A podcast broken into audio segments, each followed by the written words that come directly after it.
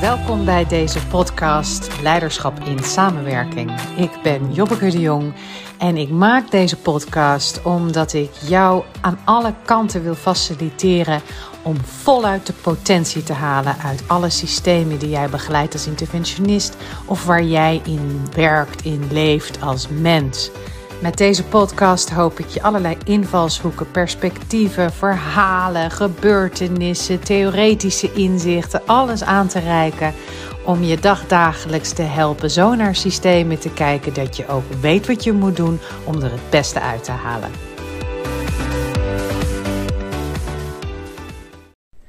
Hey, hallo welkom bij de volgende aflevering van de podcast Leiderschap in Samenwerking. Spik nieuwe week, spik nieuwe aflevering. En uh, ik wil deze week inzoomen op een onderwerp waarvan je misschien, als ik het noem, niet direct warm loopt. En het gaat namelijk over contract en het contracteren met je opdrachtgever. Met de organisaties waarmee je werkt. En uh, ik heb zo eens even lopen mijmeren op het woord contract. En wat ik merk, hè, wat merk ik nou van binnen bij dat woord? Mijn eerste idee was, ja, als ik contract zeg, dan gebeurt er niet zoveel bij mij van binnen. Het is nou niet direct een term waarbij ik bubbels van excitement voel, of blijdschap, of uh, de poepie zin in. Eigenlijk, als ik hem wat verder zo laat rondzingen, dan voel ik van binnen dat ik het liefst een beetje wil wegbewegen bij het woord contract. En dat er een klein beetje innerlijke spanning wordt opgeroepen op het moment dat ik voor voel, oh, ik moet een contract gaan sluiten. En want eh, wat ik merk bij zo'n contract, dan, dan denk ik, ja, bij een contract horen onderhandelingen. Daar horen misschien wel verschillen in belangen waar we over eens moeten worden. Daar hoort dus ja, hoort spanning bij van misschien wel frictie op de relatie die ik liever niet aanga. Want ik vind het fijn als we gewoon in harmonie zijn met elkaar. En we lekker vooruit kunnen. Dat zit erbij. Dus dat zit iets van spanning op het woord. En ik zou zomaar automatisch kunnen wegbewegen bij het contract. Uh, vanuit een soort verlangen, nou laten we het vooral leuk houden. Laten we gewoon lekker aan de slag gaan. Hoppakee, we beginnen gewoon. En dan slaan we dat het liefst over, omdat ik het liefst gewoon die spanning die erbij hoort uit de weg wil gaan. En hem niet wil oppakken. Misschien herken je wel bij jezelf. Ik ben nieuwsgierig wat jij ontdekt als je gewoon eens even dat woord contract in jezelf laat rondzingen. En, en wat je ook ziet in al die systemen waarmee je werkt. Hoe gaan ze daarom met het contract? Want als ik er zo even op doorfilosofeer, dan herken ik dat daar eigenlijk een vergelijkbare beweging is. In dat ook daar, als zo'n systeem bij elkaar komt in een vergadering of in een sessie of whatever, dat de impuls gigantisch groot is om gewoon hoppakee meteen de inhoud in te gaan. Let's get to it zonder met elkaar eigenlijk op mini-niveau goed af te bakenen. Wat is hier eigenlijk ons gezamenlijk contract? Waarom zijn we hier eigenlijk? Voor de mensen die onze systeeminterventiemethode kennen, dat is eigenlijk zone 1. Gezamenlijke doelstelling. Heel vaak skippen we die. En ondertussen de jaren in dit vak hebben me geleerd dat dit eigenlijk een ontstellend belangrijke fase is in je samenwerking met je interne opdrachtgevers of met je externe opdrachtgevers. En dat er heel veel persoonlijke excellence zit in het contracteren van een kei goed contract. Een contract dat ook de juiste condities ehm, vastlegt, waaronder ook echt een transformatie kan plaatsvinden. Een uh, keigoed contract betekent voor de interventionist, dus voor de professional die het contract aangaat met de opdrachtgever, dat je echt op excellence level je expertise goed, uh, goed in handen hebt. En voor jouw opdrachtgever betekent het verschil tussen tevredenheid en super enthousiast kunnen zijn. Dus je zou kunnen zeggen, het goed kunnen contracteren is vooral denk ik interessant voor jou als uh, interventionist. Op het moment dat jij voelt, net als ik, ja, een tevreden opdrachtgever is fijn, is leuk, maar eigenlijk is een tevreden opdrachtgever voor mij niet genoeg. Ik vind een tevreden opdrachtgever niet vervullend genoeg. Zelf, ik wil gewoon dat een opdrachtgever super enthousiast is, omdat de resultaten van de begeleiding gewoon vele malen meer hebben opgeleverd dan van tevoren denkbaar was. Dus dat je het echt het systeem hebt meegenomen naar nieuwe mogelijkheden die van tevoren nog niet zo zichtbaar waren. Dat voel ik zelf bij de deelnemers aan de Circle of Excellence. Ik wil ook dat die gewoon echt super gaaf als die hele nieuwe paden ontdekt hebben, hele nieuwe mogelijkheden voor zichzelf geopend hebben. En hetzelfde geldt ook voor de organisaties en de teams. Ik sprak laatst een uh, opdrachtgever van mij. En uh, zij is uh, manager van een team. En een aantal jaren geleden ben ik samen met haar contract aangegaan voor de begeleiding van haar team. En zo in gesprek met haar kwam ik met haar tot de conclusie: hey, ik dien jou niet als ik alleen maar je team samen met jou uh, faciliteer als interventionist. Maar ik dien jou uh, meer als jij zelf eigenlijk ook uh, leert, een beetje leert doen wat ik doe. Zodat jij ook zelf door kan nadat ik weg ben en weet hoe je de ontwikkeling die we in het team samen voor elkaar hebben gekregen, hoe je dat vanuit jouw leiderschapsplek ook kan blijven supporten. Dus zo hebben we samen dat contract opgerekt. En zij op haar beurt had bij haar aanstelling bij de organisatie ook haar contract opgerekt. Dus uh, de, de, de, organisatie zocht een uh, manager voor het team, want het was een dramateam. Het was een team dat al jarenlang met onwijs veel gedoe functioneerde. Er waren zieke leden die al jarenlang niet meer op het werk verschenen waren met allerlei vage klachten. Er was onvrede, roddel en achterklap. Het was een team waarbij de stakeholders in de organisatie voorkeuren hadden bij wie gingen ze wel en bij wie niet. Want bij sommige adviseurs uit het team waren dingen mogelijk waar andere adviseurs dan weer moeilijk over deden. Dus ook in de manier waarop ze door de externe context bejegend werden, kwam er heel veel verdeeldheid, bondjes, inefficiëntie, dubbelwerk, foutwerk. Nou, al jarenlang. Dus dit team stond in de organisatie ook bekend als een dramateam. En daar werd dus een nieuwe leidinggevende op aangetrokken. En zij zei: Ja, oké, ik wil deze uitdaging aan, maar wel echt onder een aantal hele belangrijke voorwaarden. Dus daar contracteerde zij de condities voor succes. En voor haar was dat dus ook zelf het doorlopen van uh, een opleiding waarin zij leiding leert geven aan samenwerking anders dan alleen aan individuen.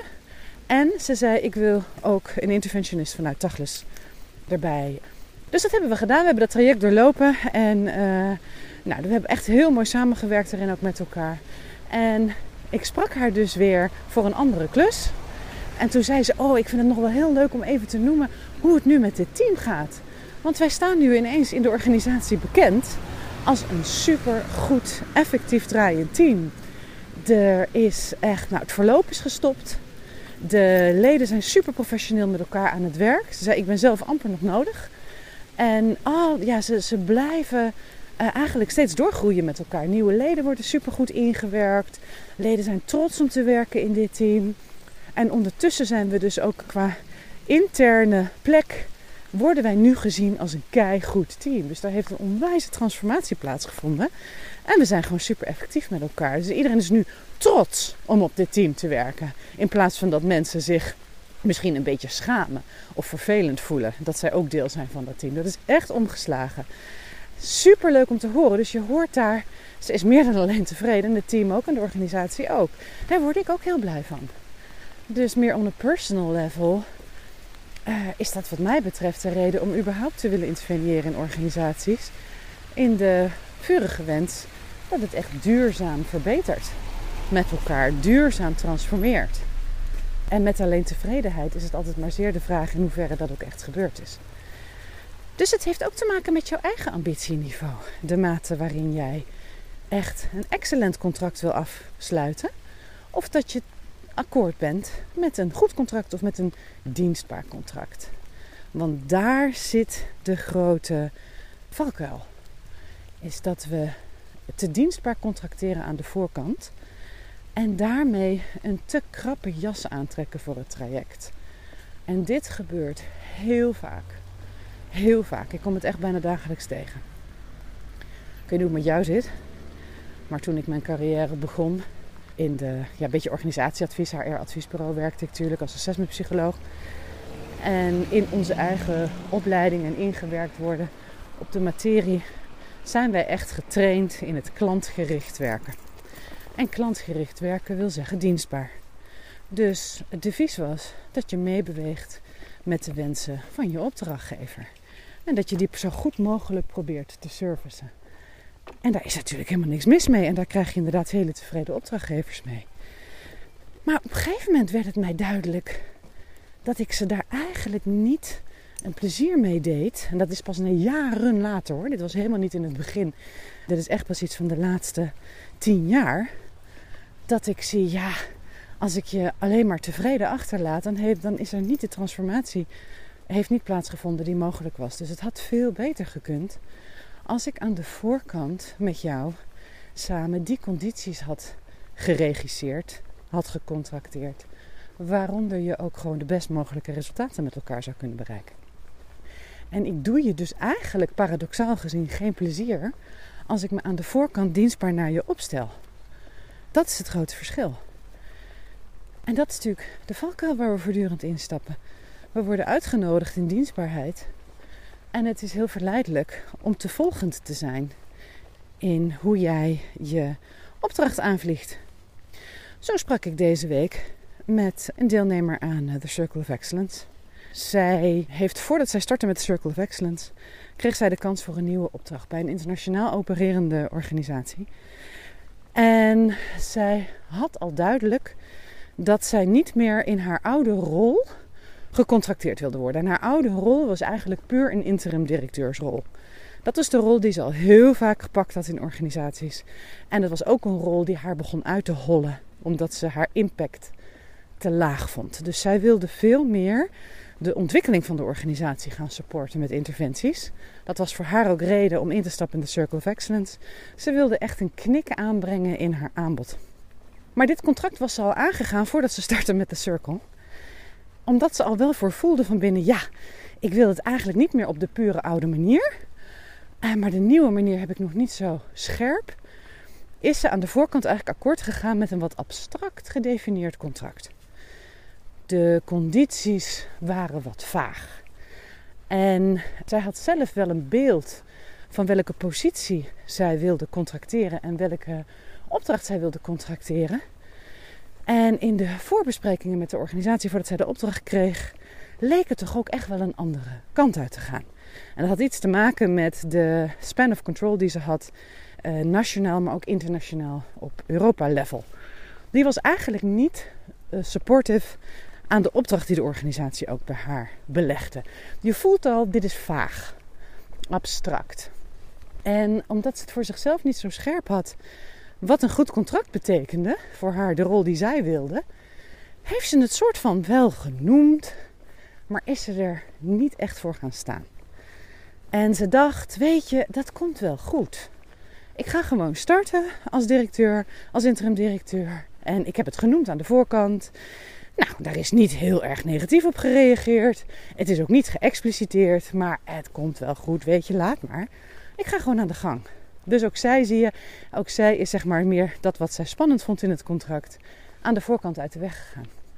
Nu zit ze uh, en is een eind op weg in de Circle of Excellence en nu merkt ze, hoe die jas is veel te krap.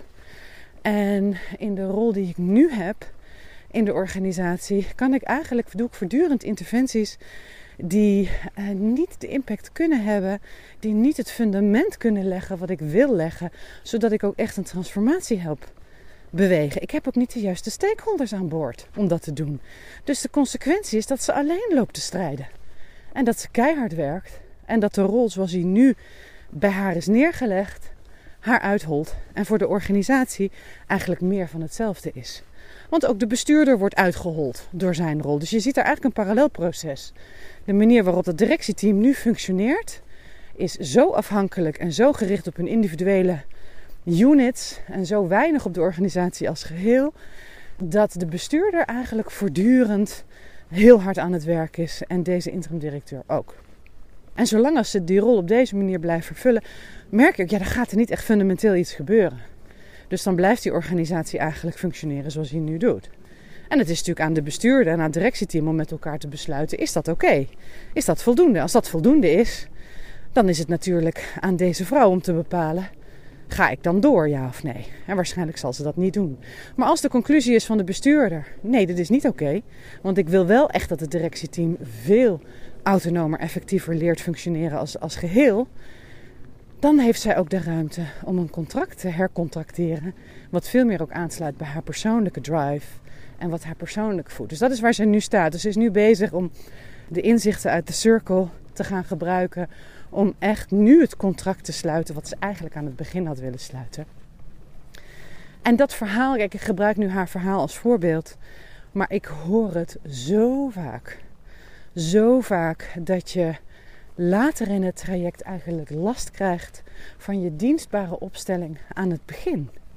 Het is ook interessant als jij voor jezelf eens even nagaat van alle trajecten die je nu begeleidt, of misschien zit je op één klus. Ben je nou, als je nu reflecteert, tevreden over het contract dat je bent aangegaan? Heb je daar voldoende ruimte voor echt transformatie gecontracteerd? En als je antwoord is ja, good for you. En als je antwoord is nee, weet dan dat je een hele grote subgroep hebt. En weet ook dat daar echt andere opties in mogelijk zijn om dat veel meer een dienend contract te laten zijn. En wat is het grote voorbeeld, voordeel van een dienend contract? Dus als het echt een contract is dat de organisatie in transformatie helpt, is dat het vaak voor jou als professional honderdduizend keer leuker is om in te werken. Omdat je vaak dan ineens interventies kunt gaan doen die jou ook voeden, waar je lol in hebt, die je uitdagen, in plaats van dat je zwoegt. En het grote voordeel is dat je de organisatie niet alleen tevreden achterlaat, maar echt super enthousiast. Omdat ze ineens echt getransformeerd zijn en anders met elkaar werken. Echt fundamenteel. En jij bent misschien wel helemaal niet meer nodig. Dus uiteindelijk levert het ook nog eens een keer een enorme besparing op van geld dat allemaal wegloopt op inefficiëntie aan de voorkant. Dus dat is interessant, toch? Wat vraagt dat dan van je? Wat vraagt het dan van je om echt op excellence level te contracteren? Ja, wat ik nu zie, zijn daarin drie dingen echt super belangrijk. Dus dat zijn ook de pijlers waarin we de circle opwerken. Toen ik ooit begon met uh, wat toen nog interveneren met impact was, zat ik vooral op de vaardigheden. Dus ik hielp professionals vooral hun vaardigheden op systeeminterventies te doen, zodat er in het systeem zelf tijdens de sessie veel meer impact was. En ondertussen met de jaren heb ik geleerd, ja, maar je moet al veel eerder beginnen. Dat contract, daar begint het eigenlijk al. De, de, de mate van efficiëntie die jij kunt bereiken tijdens de sessie, uh, wordt eigenlijk mede bepaald door het contract dat je aan de voorkant bent aangegaan. Dus alles wat je daar gewoon stevig als fundament neer weet te zetten, gaat je ontzettend veel plezier en voldoening opleveren later on, op het moment dat je bent begonnen met je werk. En dan zijn drie dingen belangrijk. Eén ding is belangrijk wat ik merk, is dat je jezelf weet te reguleren. Dus dat je een grip hebt op je eh, natuurlijke neiging om dienstbaar te willen zijn. En dat je meer ruimte maakt voor jezelf om je eigen wijsheid in te zetten. En je eigen wijsheid is wat mij betreft uh, op dit level een combinatie tussen echt goede systeemkennis. Uh, niet zomaar even wat gelezen hebben in een boekje, maar het echt, echt goed doorgrond hebben. En je intuïtie goed weten te gebruiken. Je intuïtie op systeemlevel. En dat is echt anders dan op personal level. Nou, dit is één van de domeinen. Het tweede domein is dat je geleerd hebt hoe je complexiteit weer terug kunt brengen naar eenvoud. Dat je een beetje kunt spelen met, met complexe dynamiek. Uh, dat je er met een soort plezierige afstand naar kunt kijken. En dat gebruik je al in je allereerste contact. Dat is een hele belangrijke. Want dat maakt je super scherp. En het maakt ook dat je al in het begin, you can test the water. Je kan al meteen kijken, hey, is hier ook ruimte voor transformatie? Of niet? En dan is het nog steeds aan jou. Oké, wil ik dan de opdracht? Ja of nee? Ben ik dan de juiste partij voor jullie? En het derde is dat je stevig genoeg bent om niet akkoord te gaan met condities die geen transformatie ondersteunen. Dus dat je daarin ook gewoon heel helder en afgebakend blijft. Dat is meer dus dan dat je alleen maar de interventietechniek goed weet toe te passen. En dat is daarom ook echt iets waarvan ik denk dat het pas op latere uh, ja, leeftijd of als je meer ervaren bent, in één keer toegankelijk voor je wordt. Je moet ook leren wat wel kan en wat niet kan. Nou, en hoe leer je dat? Ik persoonlijk leer dat vooral vaak ook met mijn neus tegen de, tegen de muur te zijn gelopen. Ik denk, oh, het kan eigenlijk helemaal niet onder deze condities. ik ben benieuwd wat dit met je doet, contract. Ik ben benieuwd of je, of je voor jezelf uh, herkent dat het iets is waar je liever bij weg beweegt. Eigenlijk, van nature. En uh, nou, ik hoop dat deze uh, weekse aflevering je helpt om weer eens met een nieuw licht te kijken naar de contracten die je bent aangegaan. En misschien ook wel de contracten die je nog aan moet gaan.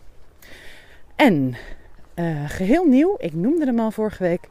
In 2024 gaan we one day workshops doen voor een gevorderd level van organisatieverbeteraars.